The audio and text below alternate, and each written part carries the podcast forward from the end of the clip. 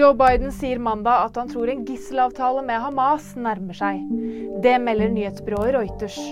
Søndag skrev avisen Washington Post at Israel, Hamas og USA er nær ved å bli enige om en avtale om løslatelse av minst 50 gisler i bytte mot fem dagers pause i kampene.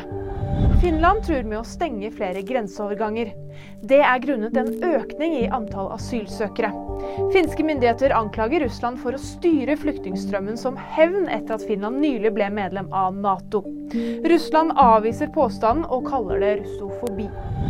Flere profiler slutter i TV 2. Både Linn Vik og Øyvind Munn sier at de er ferdig i kanalen.